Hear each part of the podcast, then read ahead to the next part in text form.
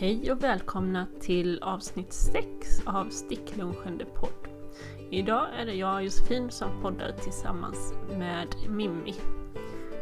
Sticklunchen podd är ju en fortsättning på den sticklunch vi har haft på jobbet i några år och det är ett sätt att bjuda in fler till de samtal som uppstår när vi träffas och stickar tillsammans.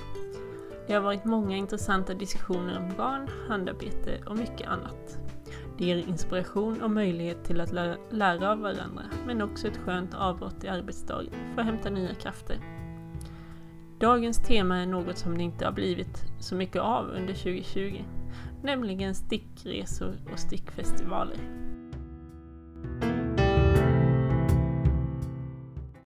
Idag så har vi Mimmi med oss. Och Mimmi eh, du, vi, vi har ett tema idag och det är stickresor och Mimmi är den som har varit iväg på flest stickresor tror jag nästan. Men mm, först, först ska du få presentera dig själv. Tack så mycket. Eh, det är roligt att få vara med faktiskt i Stickpodden. Eh, jag, eh, jag är 46 år. Jag har stickat så länge, som större delen av livet. Jag kommer inte ihåg när jag började. Eh, jag vet att jag stickade min första tröja när jag var 12 år och innan dess hade jag stickat en väst eller slipover utan ärmar. Jag vet inte riktigt vad det kallas. Det var ganska töntigt att sticka på den tiden, eller märkligt i alla fall. Eh, garn och mönster hittade man via garntjänstkatalogen. Eh, det var inte så mycket. Jag vet att jag designade några egna tröjor. Ingenting som jag bär idag, men jag gjorde det i alla fall. Eh, det fanns några garnaffärer inne i stan som jag minns som ganska skumma källarlokaler. Eh, sen så låg väl liksom stick och handarbetsintresset latent i många år tills jag fyllde 40 och fick, eh, mamma bjöd mig på, på vår första stickresa. Och precis i samma veva så kom jag i kontakt med sticklunchen på jobbet. Det kan ha varit precis ganska så snart efter vi hade varit på första resan. Eh, och plötsligt så öppnades en helt ny värld och sedan dess så har mitt stickintresse bara gått uppåt. Eh, det, plötsligt så har jag hittat en massa nya garner och massa nya mönster och inspiration och det är tekniker och det, det är prylarna vi använder och det är bara fantastiskt. Eh, och någonstans i det här så hittade jag stickningen på internet också såklart, Ravelry. Och där finns ju hur mycket som helst. Så att idag så är stickningen min lite så livslina, eh, min meditation. Eh, det som jag faller tillbaka till när jag tycker att allting annat liksom bara är stökigt och jobbigt så kan jag alltid sitta och sticka och jag älskar det för att man kan plocka upp det på en gång och så kan man släppa på en gång om det skulle behövas. Så att eh, det är väl jag. Mm. Vad roligt att höra att det liksom att det ger så mycket och det är så mycket olika, liksom, att man får så mycket inspiration och just, jag håller verkligen med om det här att det är någonting man kan ta upp och så kan man göra så länge man har tid och sen så kan man släppa det och fortsätta. Det är lite olika att folk, ibland så bara, ah, men jag måste sticka, stiga klart mitt varv eller inte. Ibland kan man mm. kanske känna det. Men, eh, och det har ju hänt att man fått repa men oftast så är det ändå ganska lätt att bara släppa och plocka upp. Fast jag tänker också att det är därför som man behöver ha ett par olika projekt pågående samtidigt. För att en del projekt är ju sådär att man behöver lite mera fokus och man vill inte gärna släppa innan man, eh, innan man kanske är färdig med en varv eller en rapport. Men då får man ju se till att ha andra projekt eh, ja. som det går att, eh, att släppa lite snabbare. Och sen så känner jag också den här glädjen när man hitta någonting som verkar roligt. Liksom, hitta ett nytt projekt när man ska starta ett nytt projekt och man ska nysta upp garnet och ja, här Gud. förberedelserna och provlappen. Alltså det är en sån, jag tycker det är, det är en sån fantastisk känsla. Eh, ja. Eh, verkligen. Har du något sånt där projekt som du alltid har pågående för att ha ett enkelt projekt närvarande?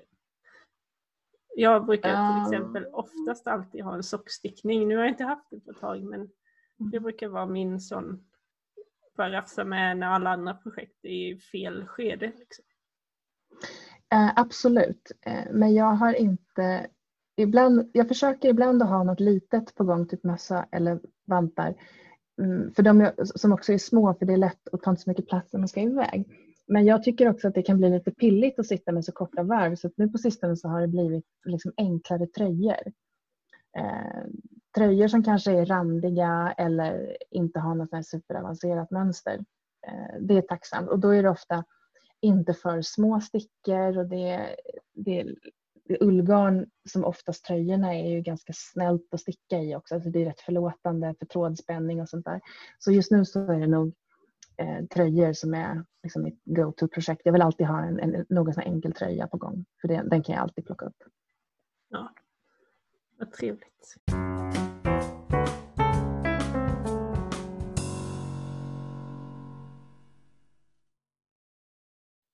Ja, då kan vi prata lite om vad vi stickar på just nu skulle jag säga. Och vi har ju lite ett gemensamt intresse kom vi fram till nu när vi satt och förberedde med de här eh, eh, Steven West-sjalarna som vi... Eh, ja, det är ju väldigt skoj. Och jag håller på med den pågående mysteriestickningen just nu som heter Slipstravaganza.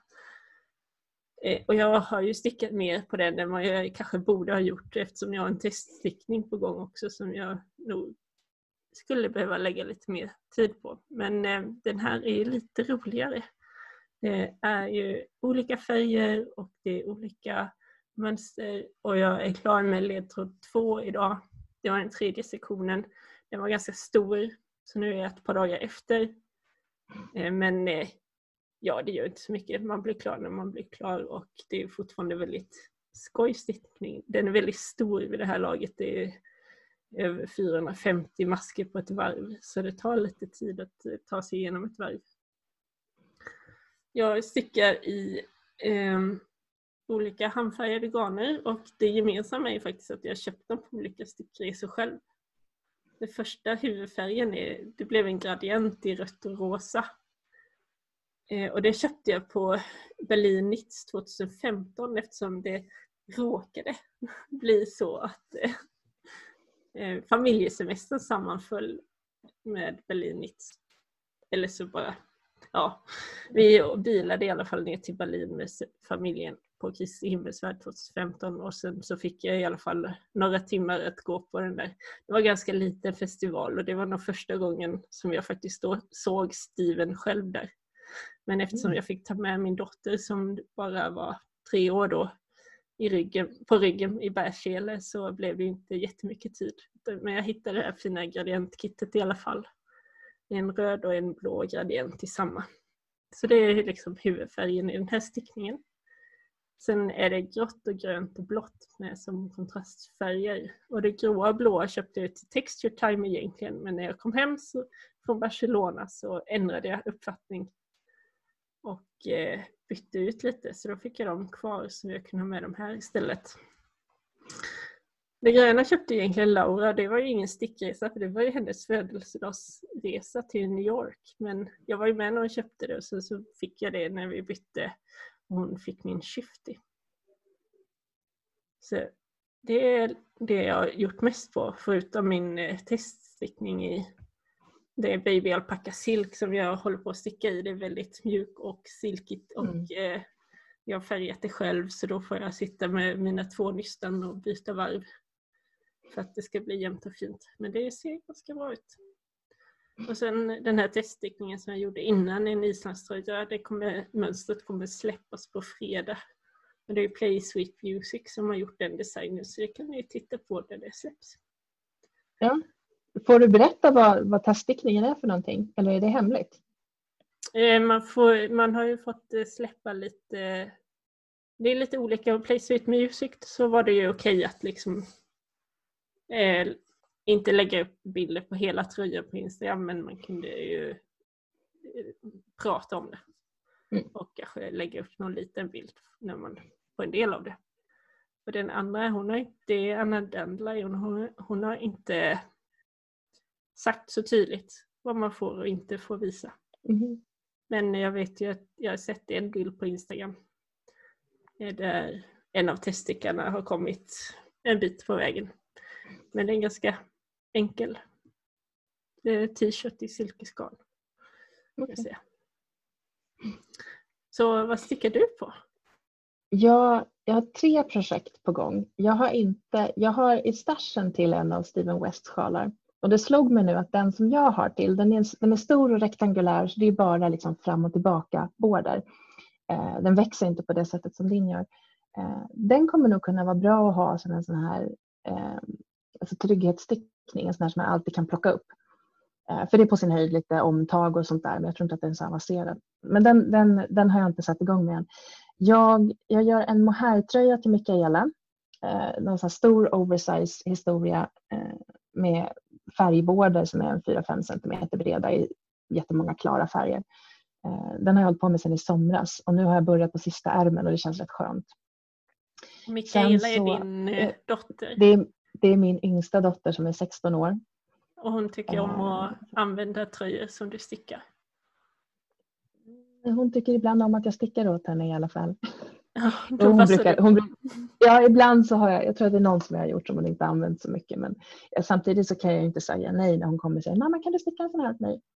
Och då är det väl någonting som är jättepoppis just nu och sen är den dyr att köpa och jag tycker ju att det är roligt att sticka såklart ja. åt nära och kära. Mm. Eh, och sen så håller jag på med en jultröja till mig själv som jag har eh, suktat efter i ett par år. Och varje gång inför jul, så november, december så dyker den upp i mitt Instagramflöde. Och så tänker jag den där vill jag ha och då är det för sent. Men förra året så köpte jag faktiskt garnet då när den dök upp. Så nu började jag på den för eh, inte så länge sedan. Så jag hoppas att det ska hinna bli klar. Det är en sån här med vit bakgrund, kittfärgad i bakgrunden och så är det flera olika bårder. Så det är en bård med ungefär julstjärnor med blomman. Mm. Eh, och sen så är det en bård med Rudolf med röda mulen och sen är det julstjärnorna igen och sen är det julgranar och så, den typen av tröja. Mm. Eh, och det, vem, vem har designat? Det. Eh, det vet jag inte riktigt men mönstret är från Sandnäs garn. Och den, jag gör den i Sandnäs alpacka. Det som förvånar mig är att det är på väldigt många varv så är det tre färger och det är jag, jag har inga problem att sticka med tre färger men det är ändå lite jobbigare. Och jag inser att det är ganska ovanligt att man har det. Och jag har alltid tänkt att de här mönstren som kommer liksom ifrån garntillverkare är ganska, ska vara ganska lätta och liksom lättillgängliga för en bred publik. Och nu plötsligt så har de alla de här varven med tre färger och jag undrar om det är så att den norska sticktraditionen är att man är mycket mer van vid det där. Eller om de helt enkelt bara är duktigare på flerfärgstickning än vad man är i andra delar av den, de andra delarna av stickvärlden som jag har kommit i kontakt med. Jag vet inte riktigt. Vi kanske får googla det lite grann och se om vi hittar så instruktionsvideo på hur man stickar med tre färger och om de kommer från Norge då eller? Jag är ja, inte, precis. Apropå liksom temat för det här avsnittet så jag har, jag har inte varit på någon stickresa i Norge men jag skulle gärna vilja åka dit för att jag inser att de har en annan sticktradition. Eh, tittar man på deras mönster och så, liksom deras historia så har de det är en väldigt rik sticktradition men jag tror också att den skiljer sig från det som jag har sett mest. Och nu har jag börjat tro att de också stickar med fler än två färger på varvet. men vilka andra för jag tänkte så här, vilka andra mönster har du stickat med tre färger på samma varv? För jag vet ju att min Bohuströja som inte är klar mm. än men jag har ju stickat mm. det roliga åket i alla fall. Där var det mm. vissa varv med tre färger och sen så vet jag eh, en mössa från Pompom Magazine som också var det men annars så kommer jag inte på. Jo, jag har ett par strumpor typ ett varv men inte mer. Eh, tror att det var något varv på min Bohuströja kanske som hade tre färger men då var det ett eller två varv på hela mönstret. Eh, här, är det, här är det som sagt på de här julstjärneborden som går emellan alla andra mönsterbårdar där är, nästa, där är merparten av varven är med tre färger. Och sen Rudolf, Rudolf med röda mulen, han har flera varv med tre färger. Eh, jag har också stickat ett par fingervantar från Estland den hade faktiskt till och med fyra färger på ett varv. Nej, ett varv med fyra färger. Det var jobbigt. Jag var väldigt, väldigt stolt när jag lyckades med det. Jag har två var färger det, på varje hand. Var det på fingrarna till och med eller var det på handen? Nej, det var på det handen. Var på handen. Aha, det fanns då. någon måtta på galenskap. Eh, så att, men annars så kan jag inte riktigt, som sagt, jag kan inte komma på någonting annat jag har gjort där det har varit tre färger. Och om det har varit det, då har det varit ett eller kanske två varv som sagt på hela mönstret. Eh, men så här mycket har jag inte varit med om. Och det känns som att det ändå är, det krävs en del teknik och erfarenhet för att få till det på ett snyggt sätt. Ja, det gör det. För mm. visst, var, visst hade, var det vi som hade den diskussionen. Jag tror att det var när du stickade på dina vantar på någon sticklunch hur du skulle få till dem jämnt och snyggt. Ja. Och jag vet inte hur du...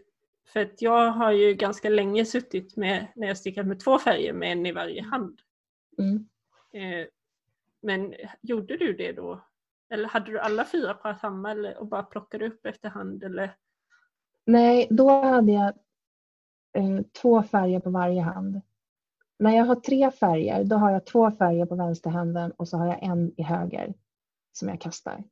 Ja. Eh, men nu hade jag, jag är rätt säker på att jag hade två på varje hand. Jag, jag, kan inte komma ihåg nu hur jag fick till det. Men det gick. Det ja. blev fint. Ja, det blev fint. Men som sagt, det är lite komplicerat. Så när den här tröjan till Mikaela är klar, som är ganska enkel, den är, den är lätt i mönstret, men där har jag också känt att, att sticka med mohairgarn och sen är det typ tre och en halv stickor eller något sånt där. Den är ganska glest stickad. Det, mohairgarnet kräver sin trådspänning för att det ska bli bra och det är ändå lite ansträngning för att fånga själva garnet och inte fånga luddet. Så den är inte helt och hållet avslappnad, avslappnande att sticka. Så att när den är klar, vilket jag kan bli om en vecka, då ska mm. jag sätta igång med ett, ett sån här avslappningsprojekt som förmodligen då blir en tröja eller så blir jag så Steven West-inspirerad att jag drar igång den här sjalen. Ja, då får du kanske om en vecka så då har ju vi i alla fall fått den sista ledtråden så då kommer det ju dyka upp bilder på hur den ser ut. Ja. Åh, så då kan man ju planera färger och sånt om man vill ha bättre koll på det än vad, man själv, vad jag har haft medan jag har stickat eftersom Ja. Han har ju bara gett tips om att ja, men andra färgen kommer få mycket plats att skina på. Liksom, och mm. Första och tredje ska passa ihop hyfsat. Och, ja. Jag tyckte när man tittade på kitten som han hade satt ihop till den här sjalen så var det också svårt att förstå hur, det skulle, liksom, hur färgerna skulle komma fram. Ibland så kan man ju se att det här kommer vara dominerande eller något sånt där. Men jag tyckte det var jättesvårt att dra några slutsatser. Ja, och, men han hade ju också många så exempel på om du vill ha en mörk som liksom ska rama in eller om du ska ha en ljus mm. huvudfärg som ska bli mer så här subtle, lättare intryck. Eller om man skulle ha att huvudfärgen skulle vara the pop, liksom, att det är den som mm. ska poppa ja. ut. Eh, och sen då liksom, nu, vissa har ju, det fanns ganska mycket ändå gradienter så på de tre kontrastfärgerna. Men där mm. har jag ju valt tre helt olika färger också. Mm. Men just nu så ser den ju bara ut som en olycklig trasa som alla sjalar gör i ett visst skede när man bara har tryckt ihop för många masker på en för kort sticka och den ja. är skrynklig och dan. Så ja, ja, det är den här blockningen man kan se fram emot. Den är alltid lika skoj. Ja. Jag förstår det. Men när man har hans stora sjalar då kan det börja bli utmanande med utrymme för blockningen. Nu kanske du har bättre förutsättningar än jag men jag har ju en uppsättning med sånt här eh, mjuk, mjuk alltså skumplastpussel för barn och den mm. räcker ju knappt till eh, eh, vad heter den? Starflake som jag gjorde senast. Det gick ju knappt. Jag, hade, eh, jag har ju fyra stycken om de är en halv meter så att det blir en gång en meter eller lite drygt det plus mm. en sån pusselmatta för barn. Mm. Eh, men det, mitt största projekt det var ju den här stora filten Modde Die från Kate Davis och då fick jag ju låna din ram. Du har ju faktiskt Just en hel blockningsram. Ja, men den funkar ju inte till Stevens icke fyrkantiga sjalar. Nej, man skulle så. kanske kunna lyckas med en traditionell trekantig också men eh, ja. har du gjort det någon gång? Nej det har jag inte. Det beror på om man sätter den på diagonalen liksom. Ja, jo, men det skulle säkert funka att man spänner upp någonting där, det tror jag.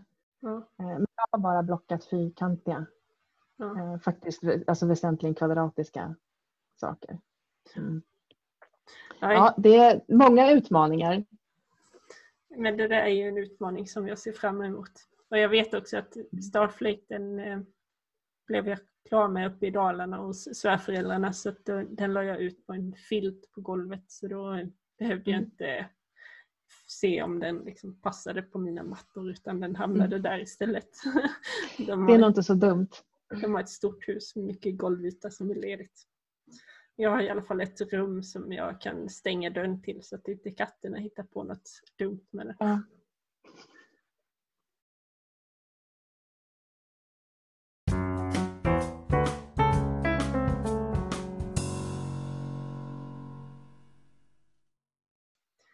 Så nu är det dags för dagens ämne och vi har varit inne och nosat lite på det. Mm. Men du får gärna berätta lite mer. Eller du nämnde lite hur det, hur det kom sig att du började åka på stickris, att det var mamma som tog med dig. Ja, eh, det var, egentligen var det så här. Min, min pappa gick bort året innan jag fyllde 40. Eh, och sen när jag fyllde så, eh, så sa mamma, eh, och det året så har jag en stora syster som fyllde. Och då så skulle, fick hon att hon och mamma skulle åka till Paris och gå på operan. Och då förstod jag liksom att pappa hade ju varit med och planerat det för han, var stor, han tyckte jättemycket om opera. Och då förstod jag också att nästa år när jag fyller så kommer jag få något motsvarande. Så då kom mamma och så sa hon, du, får, liksom, du, du förstår ju att du ska, vi ska åka på en resa och du får bestämma vart vi ska åka. Och först så tyckte jag att det var jättesvårt för att det här att pappa inte var med och han hade ändå varit med och planerat stora syrrans resa. Och så tänkte jag, men det här måste ju, jag måste ju, det här måste bli en resa som är för mig och mamma så att inte vi går omkring och saknar pappa liksom och bara tänker att han inte är med. Och då kom jag på efter ett tag att vi båda två är väldigt intresserade av handarbete. Eh, Så att då så kom jag på att det, fast, det här ska vi göra någonting av. Och då hade jag sett någon, jag vet inte hur, för jag tror inte att jag var på Instagram på den tiden. Någonstans hade jag i alla fall snappat upp att Helen som heter en till på Instagram. Helena vet, Wallin. Just det. Hon hade varit på Shetlandsöarna och då kände jag att det är lite ambitiöst. Men jag tänkte fast jag hör av mig till henne och så säger liksom att jag och mamma ska åka på en stickresa. Jag vill åka till Skottland, det hade jag bestämt mig för för det kändes ulligt och bra. Mm. Och då så sa hon att eh, men gå in på Ravelry. Så det, just skapade jag mitt konto på Ravelry. Och så la jag ut en fråga och sa det att vi skulle vilja åka på en stickresa till Skottland i, på hösten. Och det slutade med att vi åkte på The Glasgow School of Yarn. Det var helt fantastiskt. En pytteliten stickmässa. Kanske 15 utställare eller något sånt där i en nedlagd kyrka. Och så hade de ju såklart lite eh, kursverksamhet kring det som man kunde gå på. Och efter det så har det liksom varit någon sån snowballing effekt. Att varje år som vi har varit på en resa så har vi hört talas om nästa festival som vi borde åka på. Eh, och sen nu har jag blivit ganska insyltad i stickvärlden så nu får jag ju liksom in, inspiration och tips på nästa festivaler ifrån, eh, liksom från sociala medier och så. Men det har varit väldigt roligt så det har liksom ifrån den första lilla resan så har vi liksom stegat oss framåt. Men det har blivit så att ni har åkt på en varje år? Eller? Ja, vi åkte inte här, I Glasgow var vi då på hösten 2014. Vi åkte inte och då bestämde vi att vi skulle åka till Edinburgh Yarn Fest nästa gång och den går ju i mars. Men Ja. då åkte vi inte då ett par månader senare utan dit åkte vi 2016. Så 2015 blev det ingenting. Men sen så har vi insett att eh, det är klart att vi ska åka på en stickresa om året och ser väldigt mycket fram emot det. Och det är inte så ofta som bara jag och mamma åker någonstans längre. Och det är jättemysigt faktiskt. Så det är ju en, såklart en, en, någonting som höjer det. Sen har jag varit på några, någon festival utan mamma också. Eh, men eh, framförallt så är det hon och jag som åker. Ja, vad jag tyckte var, när du berättade om det här på sticklunchen så blev jag väldigt inspirerad och sen så var det här när jag kom på, för du är tio år äldre än mig Mm. och dina barn är typ tio år äldre än mina. Mm. Eh, nästan, i alla fall äldsta. Ja, Min det stämmer yngsta, det skiljer ju bara två år mellan mina Mm. men du hade fyra mellan dina. Och då kom jag på så här, ja men om hon kan göra det, då vet jag att jag också kommer kunna göra det. Åka iväg på sådana här stickresor. För det, om vi, där träffades vi på sticklunchen, om det var 2014 kanske då. En, det måste, ja eller alltså det- 2015, så att mina var ju så Jag- två, yngsta var ju två, tre år. Jag undrar om inte det var precis i början av 2015 och sånt där, för att jag träffade ju din, jag satt ju och pratade med din man på patentfesten som vi har i, eller upp, upp, eh, uppfinnarpartyt som vi har i typ oktober, oktober, november eller något ja. sånt där. Och då så sa han, ja men det är min fru som håller i den här sticklunchen så att jag ber henne kontakta dig och sen så tänker jag att det dröjde väl kanske några veckor och så var det kanske julen. Så jag tror att det var i början av 2015 som jag kom med. Ja, ja men det stämmer Det säkert. Men ni hade ju pratat om det året innan också. För ni hade träffats året innan också på Ja. patentfesten. Ja. Precis. Och så, hade- kom, så kom ni bägge ihåg det till ett år senare och sen så blev det äntligen slag i saken så att du fick en inblick Precis. i göra oss sällskap. Precis. Och då hade jag faktiskt hört talas om, ryktet hade gått lite, det sitter några och stickar ibland där i sofforna utanför fiken. Ja. Jag tyckte det var jätteroligt. Eh, Det var kul och då hade, hade inte du, sa inte han att du hade varit i Bergen då? Fast det kanske inte var på Jo. stickfestivalen? Nej, det var också en sån här familjesemester som råkade gå till någonstans i närheten av eh, garnförsäljning. Nej, men för att eh, vi köpte en helt ny bil och då så ville vi åka på bilsemester. Och jag har hört mycket om bergen att man måste åka dit någon gång i livet. Så då bestämde vi oss för att vi skulle åka dit. Och det var alltså 2014 och vi hade sån tur med vädret. Det regnade i Värmland och så slutade det regna när vi kom in i Norge. Och sen var det, tog det, vi stannade en natt i Oslo och sen tog det två dagar för oss att åka till bergen. Sen hade vi tre dagar i bergen. Sol 25 grader. Helt sjukt. Alltså det regnar ju alltid i bergen, det har man också hört. Ja, Men inte när vi absolut. var där. gud vad Eh, härligt. Ja, och sen så tog vi en dag att åka från bergen till Kristiansand. Och så tog Mm. vi färjan till Danmark. Och sov en natt i Århus och sen blev det Legoland. Mm. Eh, och vi kom ut från Legoland sju på kvällen och hade inget hotell bokat. Med två små barn. Eh, men det löste sig. Vi hittade ett jättetrevligt ställe så dit åkte vi igen sen ett par år senare när vi tog med kusinerna och deras föräldrar då till Legoland. Mm. Men eh, jag hade ju letat runt. Eh, då, jag vet, ja, bergen, det är inte så långt från bergen så ligger Hillesvågs ullvarufabrik. Mm. Så det var ju den jag hade siktat in mig på. Plus Pickles i Oslo. Mm. Så vi gick till Pickles i Oslo. Eh, och eh, där har jag ju sett, där hade jag ju sett så mycket på nätet och var väldigt sugen men eh, jag var inte så inspirerad i butiken plus att eh, jag inte hade tänkt igenom vilken budget jag hade och jag visste att jag Mm. skulle till en hel ullfabrik. Mm. så det blev Och inte så, Hillesvåg gör så fina garner. ja, det är jättefina. Dit skulle Mm. jag vilja åka igen. Mm. Och grejen med Hillesvåg, jag hade tittat på nätet och sett om man skulle beställa därifrån då. Mm. Eh, och det var innan de tog moms på allting som man höll sig... När jag, köpt, jag hade köpt en del från Pickles innan. Och höll man sig under 400 kronor så blev ju momsen under 100 kronor. Då så kunde det gå igenom utan att man fick betala extra. Men på Hillesvåg så stod det så här helt sanslös hög fraktsumma. Mhm. Så jag vågade aldrig beställa därifrån. Eh, men eh, vi åkte Men- dit istället. Ja, det är faktiskt någonting som jag drömmer om att göra men eh, jag har, det har inte blivit av än. Eh, och ibland så tänker jag att jag skulle, när, när barnen är ännu lite större, att jag och Johan ska ta bilen och åka till Norge och åka runt lite grann. Ja, Och då skulle jag vilja åka förbi där. Ja, jag tror att det är, även om det är en bit att köra eh, så tror jag att det är värt det för det är så vackert. Ja, och jag skulle väl säga åk i juli. I juni Mm. kan det ju fortfarande vara snö så att man inte kommer igenom eller upp på de här eh, platåerna. Liksom. Mm. Jag har åkt motorcykel genom Norge eh, runt midsommar ett år också.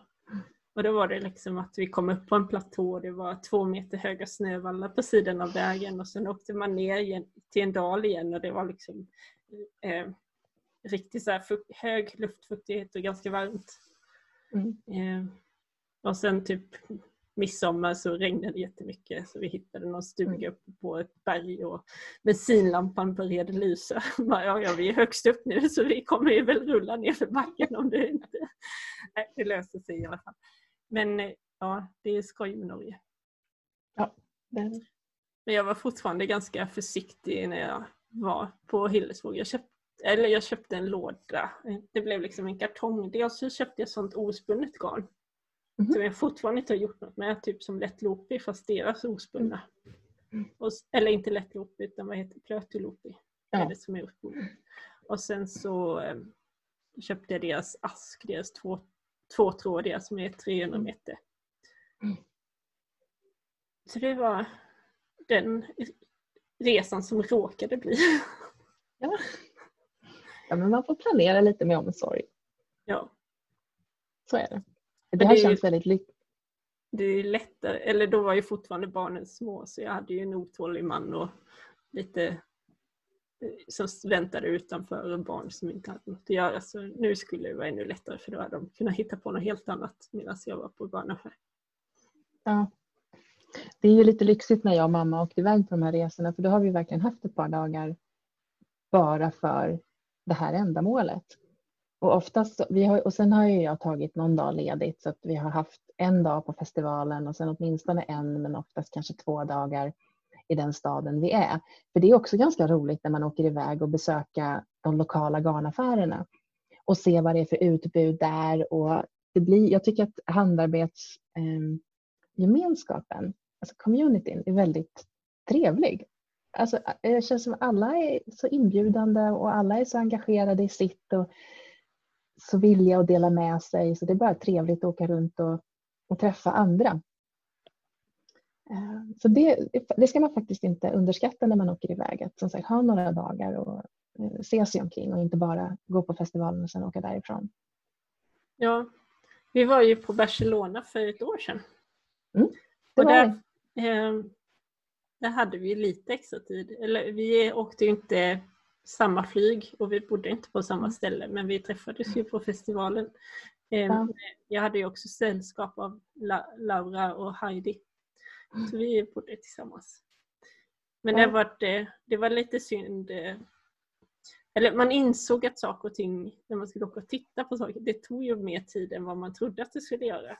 Så vi hann Ja. egentligen bara med La Sagrada Familia, kändes det som. Eh, och sen vart ju Laura lite förkyld också så att hon orkade inte, eh, hon fick ta och vila den tiden som hon inte var på organfestival. Ja. Och jag tänker att det var ju så himla trångt på den festivalen. Jäklar vilken, vad Ja. mycket folk det var som var packade i lokalen. Och nu tänker jag, när ska vi kunna göra det här igen? Jag längtar verkligen tillbaka men det känns så avlägset att vi kunde stå så nära varandra. Och så många i samma lokal. Liksom. Nu har man ju vant sig vid att man inte får göra det. Ja. Det är lite tråkigt. En annan för, eller för jag har ju åkt till lokala grejer här i Sverige istället. Mm. Så jag har varit på eh, Stickkontakts garnmarknad två gånger. Men då har det varit Mm. på olika ställen. Och det första stället, om det var Lövsta bruk, så var det också ett som var väldigt, väldigt, väldigt fullt med folk. Och det Mm. var en, eh, det var ganska långsmalt hus och sen var det smala dörrar i mellanrummen som alla skulle då lyckas Ja. gå in och ut emellan. Men det var ju ja, kanske en och en halv timmes bilresa härifrån så det var inte samma sak som att investera i en Bar- Barcelona-resa och sen gå runt lika trångt. Men det, var ju, det lugnade ju ner sig också. Det var ju inte Ja. lika trångt hela tiden. Nej, det var det inte. Det blev absolut bättre. Men det var som när vi, eh, ett år så åkte vi till den här jättestora Ghana-mässan som heter Yarndale som ligger i Yorkshire. Den, och den är stor. Eh, de hade säkert också bortåt 200 utställare. Men det var ju en lokal som de brukade ha för boskapsmarknad. Så det var ju, ja men alla hade ju såna här alltså, burar där man hade korna eller fåren eller vad det nu var. Så det var en enorm lokal och jättehögt i tak. Ja. Ehm, och, och, som sagt, och så var alla då i de här boskapsstallarna. Ehm, men det, i och med att den var så stor så rymde den ju väldigt mycket folk också. Och du kunde ha, det var ju stora dörrar som var öppna och så hade de lite förtäring utomhus och de hade väl någon dörr som alltid var öppen för det var där man gick in och ut och så. så det funkade ändå väldigt bra. Och det tyckte jag var olyckligt i Barcelona. De hade nog helt underskattat hur många som skulle komma för de hade ju kunnat ha en mycket, mycket större lokal ja. än vad de hade. Så det spelar lite roll också. Vad, är det den största du har varit på eller det, kan man jämföra den med syfestivalen i Älvsjö? Alltså storleksmässigt, antal utställare, så de, av de jag har varit på så är Yarndale eller Edinburgh Yarnfest är de största. Yarndale skulle kunna vara större, eh, men de är båda två, jag tror att de är borta 200 utställare. Jag tror att sy och hantverksfestivalen på Älvsjö är ungefär lika många, men där är det så mycket annat än bara garn.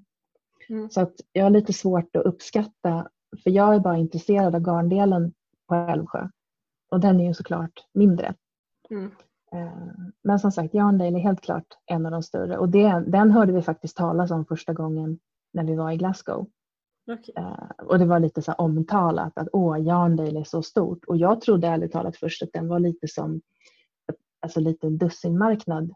Lite som jag kan känna med på Älvsjö. Där är ju många, tycker jag, garnaffärer som liksom bara kommer dit med sitt vanliga utbud men det är inte så mycket, liksom, det är inte så många tillverkare som står där. Uh, men efter att vi hade varit då, först var vi i Glasgow och sen åkte vi, var vi på två andra i Skottland och så kände jag, men till det året så kände jag, men vi ska väl åka till Jan, det är väl lika bra att åka dit för alla pratar ju om det.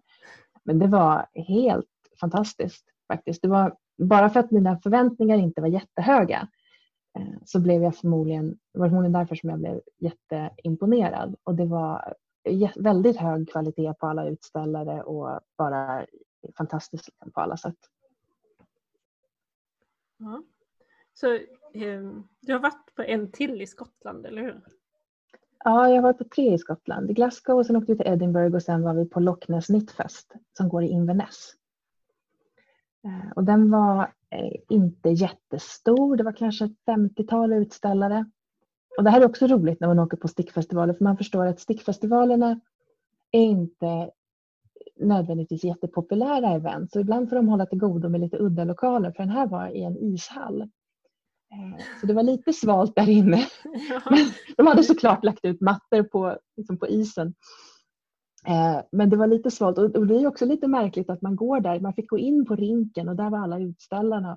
Och sen så kunde man liksom gå upp och sitta på läktaren där det var lite servering. Och, ja, det, blev, det kändes lite konstigt. Men det var jättemysigt också.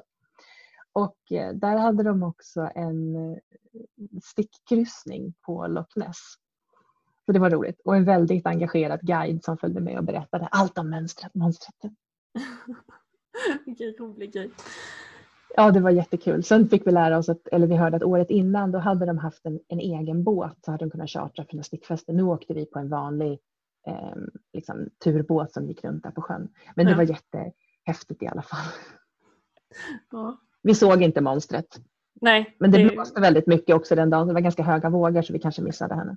Hur stor är sjön egentligen jämfört med någon svensk sjö? Tänkt? Oj. Eh, jag har ingen aning. Jag skulle gissa, alltså, kan man säga Vättern? Och det säger jag bara för att Vättern är djup. För Loch Ness är väldigt djup. Den är ju långsmal. Ja. Jag vet faktiskt inte. Nej, vi får googla kanske. Vi får helt klart googla. Ja. Så ja, för du, det här är ju sådana resor till garnfestivaler som du har gjort. För själv har jag åkt så på Stickfest i väst att man eh, bokar in sig på ett hotell i tre dagar och sen går på mm. lite kurser och får all mat serverad och mm. eh, att det finns en garnmarknad där också. Men då mm. har det, ja, det kanske varit 15-20 utställare för det var väldigt liten lokal så. Mm. Eh, men har du varit på någon sån resa mer? Nej, det har jag inte. Men det tycker jag låter väldigt mysigt. Ja. Har inte stickkontakt, har inte de haft, liksom, har inte deras grejer varit egentligen en stickhelg och sen har de några så att man kan hyra in sig och sova över och sen har de också marknaden. Jo, så har det mm. varit. Men då har det inte, jag vet inte varför jag inte har fastnat för det. Om det bara inte har stämt tidsmässigt eller att eh, det har räckt med att, eftersom eh, det har varit inom liksom, en dagsutflykt sådär, så har det varit lagom att åka. För Stickfest i väst så är det ju öppet för besökare på lördagen. Mm. Eh, och då kommer det jättemycket folk från Göteborg eftersom det, Ja, det är klart. är någon timme utanför där på Marstrand. Mm. Så ja. Nej, det är någonting som jag skulle vilja åka på men jag har inte kommit till vägen. Och jag tror inte, jag, jag tror inte att jag och mamma kommer åka på det. För jag tror om jag åker på en sån där grej så skulle jag nog hellre vilja vara ehm, nej, då, skulle jag nog vilja åka i ett annat sällskap. Mamma Ja. kan vara lite så här, "Nej, du och jag som åker. jag tror mamma blir lite osäker när det är massa nya människor runt omkring. Jaha, ja, vi träffade er och åt lunch Ja. någon dag, eller Ja. både en och två dagar. Så det Ja. tänkte jag inte på så då. Nej. Och det var jättetrevligt att kunna göra det. Men som sagt, jag, eh, jag skulle gärna, jag tycker det vore kul att åka på Stickfest i väst någon gång eller någonting liknande. Ja. Eh, Ja, för jag har ju åkt dit och min moster har ju varit en frekvent besökare. Jag vet inte om hon har varit på alla men i princip så har hon nog det. Eh, Så då har jag ju träffat henne där. mm. Eh, Så då är det i alla fall någon man känner. Och sen Mm. eh, så fick jag med Sofia förra året så då kunde vi plocka upp både Sofia och moster på vägen. Då, det var första gången jag åkte bil, annars hade det varit tåg och då har det varit en sån där Mm. kul liksom, Södertälje, Göteborg med tåget och sen så pendel ut till nästa ställe och sen en buss och sen en Mm. båt så är man framme. Mm. Och eh, i Stockholm så går ju pendeln typ en gång i kvarten. Eh, och där gick pendeln på söndagen, går den varannan timme. Det är Mm. bara enkelspår åt det hållet. Så man bara, okej, Okej. då hade jag inte så många valmöjligheter här att ta mig hem som jag trodde.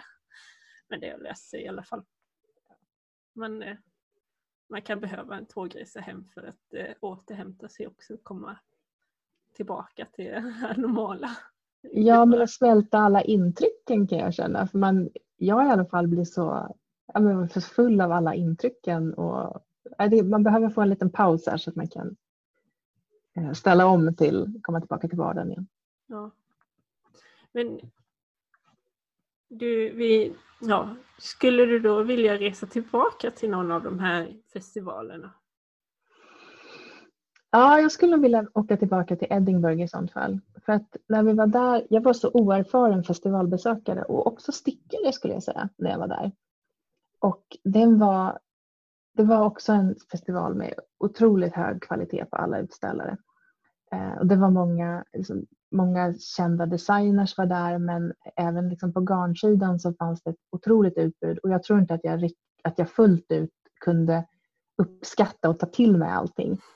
För att jag var inte riktigt så insyltad än när jag var där. Så jag skulle gärna åka, vilja åka tillbaka dit och liksom vara lite mer erfaren och gå runt och göra festivalen på det sättet. Ja, det har man hört ganska många prata om. Liksom första, men det tror jag hände mig egentligen på första syfestivalen i Älvsjö när jag var Mm. där. eh, Att det var så mycket och vad ska jag göra nu och vad vill jag Ja. ha och inte ha. Ja precis, för att det där tycker jag också är någonting som jag har utvecklat med åren. Att det är en sak, jag vill åka på en festival och titta på saker och det är spännande. Men någonstans så åker jag dit för att jag vill köpa saker så att jag kan göra någonting. Och det här liksom dynamiska planerandet av stickprojekten nu och i framtiden, det var jag väldigt dålig på då. Och då jag hade väldigt kort tidshorisont så då var jag så här, ja, men, typ, jag, en, jag kanske, alltså en tröja, den här vill jag göra. Jag kanske köper garn till den här tröjan om jag ens hade med mig något projekt liksom, till festivalen. För jag har jättesvårt att bara gå runt och köpa det som jag tycker ser fint ut. För då vet jag inte hur mycket garn jag ska köpa. Nej. Eh, och det är nog lite med den inställningen som jag skulle vilja komma tillbaka. För idag har jag mycket större förståelse för att ett, jag kan visst köpa något garnnystan som jag tycker är fint. För att förr eller senare så kommer det passa ihop med någonting annat som jag har hemma. Så det kommer komma till användning. Eh, och eh, att jag har liksom en mycket större sån här, eh, favoriterna på Ravelry är ganska stor. Och där har jag mina liksom, projekt som det, här- typ, det här vore roligt att göra. Och när jag Mm. verkligen bestämmer att jag ska göra det, då lägger jag dem i kön. Eh, så idag, Men- eftersom jag har liksom jag känner till mer av utbudet med mönster och kanske någon stickteknik som jag skulle vilja testa. Så idag när jag åker iväg så har jag lättare att se liksom, ah, men det här garnet kan jag köpa för då kan jag göra det här. Och är liksom lite mer målmedvetet och inte bara åskådare. Jag är deltagare på ett annat sätt. Ja. Har du något sånt eh, värsta garnet du har köpt på en stickfestival som du inte har gjort någonting med? Eh, jag har garner kvar som jag köpte i Glasgow som jag fortfarande inte har gjort någonting med. Och som jag är väldigt os fortfarande känner så här, jag vet inte vad jag ska göra. Och det är två stycken garner. Det ena är ett cobweb tror jag, ja det är det. I jättetunt jätte, alltså. Jättetunt. I typ kamel och så något annat jättemjukt. Jag vet inte, kashmir i också. Eh, och jag har ingen aning om vad jag ska göra med det. Och det är en färg som är, alltså den är fin men det är en sån färg som jag tycker om men jag har väldigt svårt att, att använda den. Att, liksom, att vilja göra någonting i den som jag ska ha på mig. Så den är liggandes. Nu har jag de senaste veckorna gått och tänkt jag kanske ska köra den med dubbel tråd och sticka ett par fingervantar för det tror jag är jätteskönt. Så jag kanske gör ett par fingervantar i dubbeltråd av det här. På, på, det låter som att det ändå, även om det är dubbeltråd, att det blir typ storlek en och en halv på stickorna. Det kan det bli. Men ja. alltså, fingervantar kan man ändå, de vill man ju ha ganska tunna. Ja. Så det skulle kunna funka. Och det andra är ett silkesgarn som är melerat i lite olika, jag vet inte riktigt, ja, lite olika färger, lite grönt, lite blått. Men det är också ganska tunt. Jag tror att det är lace weight. Eh, och jag har inte riktigt, ett tag var jag inne på att jag skulle knyppla någonting med det garnet. Det hade varit kul. Men jag har inte kommit igång med knypplingen och det kommer nog dröja ett par år till innan jag tar tag i det riktigt. Men du har en knyppelbräda? Ja, jag har ärvt det eh, efter äldre släktingar som har, som har gått bort. Så jag har en som jag kan ha i knät bara och sen har jag en som står väldigt fin som står på en träställning. Okay. Eh, jag tror att den är efter svärmors mamma eller svärmors mormor eller något där. Kommer, alltså, kommer du ihåg hur, du, hur man gör när man knypplar? Men kommer ihåg, det låter som att det förutsätter att jag har gjort det här tidigare. Nu ja, har jag har gjort typ. det en gång ja. på en festival men jag har, jag jag var på slöjdmässan i Jo för något år sedan. Då kunde man testa att knippla så då testade jag. Men annars har jag, det var första gången. Okay. Nej, men har du gjort det på slöjden? Ja, jag har gjort det på slöjden. Så jag har en pytteliten duk med knypplade kanter på, spetskanter. Jaha. Och jag har något minne av att den där spetsen hette något med Bellmans spets. Så, mm. men det, ja, jag har ingen aning om det var så. Men jag vet att min pappa fick ju också femma i syslöjd för att eh, han kunde knyppla. Och sen hade han samma, jag hade samma slöjdlärare som han hade. Okay. Så hon var helt nyutexaminerad då. Jaha. Eh, men hon var ju inte roligt. så nära pension som vi önskade när jag hade Jag tyckte om henne men nej, hon var lite speciell.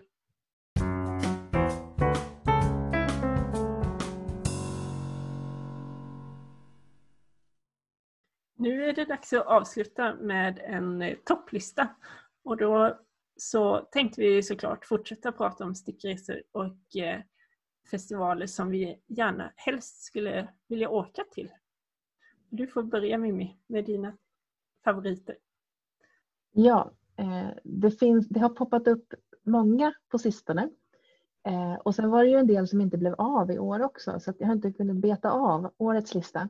Eh, jag ser jättemycket fram emot att få gå på Stockholm Jarnfest. Jag tyckte det var ett fantastiskt initiativ som de hade och jag, tyckte, jag hade så sett fram emot en, en riktigt bra stickfestival i Stockholm.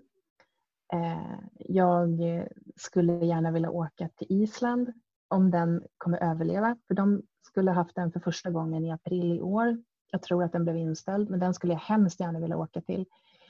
Ehm, för att jag tror att det återigen lite, lite nya influenser på Island. De har andra garner, eh, lite grann en annan sticktradition. Eh, jag vill jättegärna åka till Norge. För jag tror att det är, som sagt, de har också en helt annorlunda sticktradition och det kan bli annorlunda. Eh, sen ser jag också fram emot att åka till Dublin för att eh, det, det vore, jag har liksom hört mycket talas om den eh, festivalen och vill gärna åka dit. Men där tror jag att det kommer vara lite liknande eh, som vi har sett i Skottland och England. Det är inte Vad dåligt. hette- att, Vad hette den? I, I Dublin. Ja. Den heter Woolin. ja, just det. Woolin Men då- Dublin. Då har du liksom täckt, eh, då har du inte varit i Wales kanske, men de, ja, då är det det kvar Alltså jag, var på, jag, jag var så sugen på att åka till Wales för jag hittade en där och en av mina favoritfärgare, han skulle åka dit och ställa ut och han dyker inte, han, han är väldigt lokal, han bor i Brighton, han är väldigt lokal så jag har inte sett honom på någon av festivalerna som jag varit på i Skottland och norra England. Eh, jag var supersugen på att åka dit men det blev ganska komplicerat eh, att, alltså att rent att ta sig dit, resan skulle ta väldigt lång tid. Och det är ju ändå så att man har så många semesterdagar per år och än så länge så vill jag gärna ha huvuddelen av dem tillsammans med familjen. Eh, och sen vill jag inte köra bil i England för att det kommer sluta illa, det vet jag. Eh, så att eh, tyvärr, s- den kommer jag inte iväg på, men jag är jättesugen. Det finns ju definitivt eh, festivaler i Wales också. Ja, vad är Du det då? för Vad- färger i Brighton tänkte jag säga? Den, Han heter Mr B, Mr B's Yarn.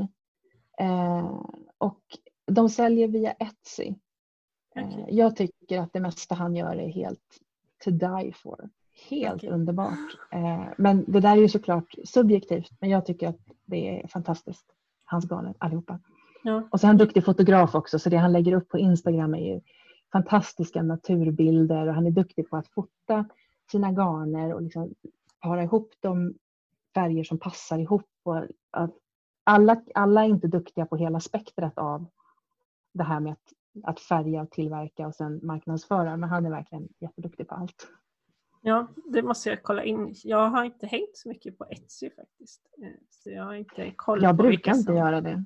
Jag Nej. vet inte hur jag fick nys på den här killen, om han dök upp i mitt Instagramflöde eller om det var för att jag råkade vara inne på Etsy och leta garn någonstans. Det är, Etsy är för mycket för mig. Det blir för mycket intryck och jag, jag blir bara eh, överstimulerad, Ja. känner jag. Mm. Men dina, vad är dina stickfestivaler då som du drömmer om att åka till? Jo, eh, jag har ju hållit mig ganska lokalt. Men när jag började sticka så lyssnade jag på amerikanska podcast. Och då pratar de ju så himla mycket om Stitches West.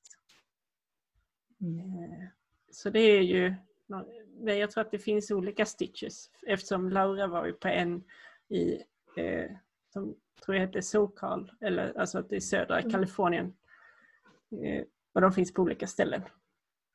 Men sen är det ju den här andra stora utanför New York. Vad är det den heter som alla sticker trö- Rhinebeck. Rhinebeck, ja. Ja, som alla har sina stickor. Nu måste jag få klart min Rhinebeck-tröja för i år. ja, jag vet. Så det är de två långväga. Men annars Ja. är det ju de som ligger nära i Oslo eller Bergen. Bergen är ju inte nära men Oslo är ju nära. Mm, Eh, det skulle man kanske kunna ta tåget ja. för att komma tillbaka till Norge och se. Mm. Där. Eh, och sen så blev jag lite sugen på den i Finland också, Jyväskylä som du har varit på. Men ja. som vi inte har pratat om nu Just det. idag tror jag inte. Mm. Men eh, det är ju också, det är förmodligen den som är närmast till hans, som ändå är utanför Sverige. ja. Den är jättetrevlig. Eh, Jag kan verkligen rekommendera. Eh, Men gick den så här sen sommar? Ja, början av, ju- nej, början av juli. Ja, början av juli. Så det är Ja, precis, runt, ja, ungefär runt den tionde. Och när vi åkte dit så var det perfekt sommarväder. Det var bara underbart. Och den går utomhus på en jättepittoresk liten innergård med flera små hus runt om. Och eh, det var bara så himla gulligt och fantastiskt. Och så kunde man sitta på så bänkar på någon gräsmatta vid någon fik och fika och sticka lite grann. Och så gick man och tittade lite grann och så gick man och fika lite grann. Och, ja, jag kan verkligen rekommendera. ja, det låter lite som eh, ullmarknaden i Österbybruk. Ja, det skulle jag nog säga. Ja. Eh, Men, men mer fokus på liksom garn. Ullmarknaden är ju ull. Där är ju mycket får också och själva Ja. ullen. Um, Jyväskylä är ju liksom garn. Eh, mer så. Men eh, stämningen, ja, väldigt mycket som ullmarknaden. Ja. Jag är lite kär i ullmarknaden för vi hade en så lyckad familjeutflykt dit att eh, Ja, jag och barnen åkte till Uppsala och plockade upp min man för han kom från Dalarna med tåget. Och sen åkte vi vidare till ullmarknaden och alla hittade någonting att sysselsätta sig med för de kunde sitta och tova bollar och tälja. Mm. Jag tror att det var någon sån här eh, som en gaffel som man kan göra snoddar i eller något sånt där. Ja, jag kommer ihåg att du berättade det och det lät verkligen mysigt. Ja, Det var jättemysig dag den dagen. Mm. Ja. Vi kommer kunna hålla oss sysselsatta. ja, det kommer vi kunna göra.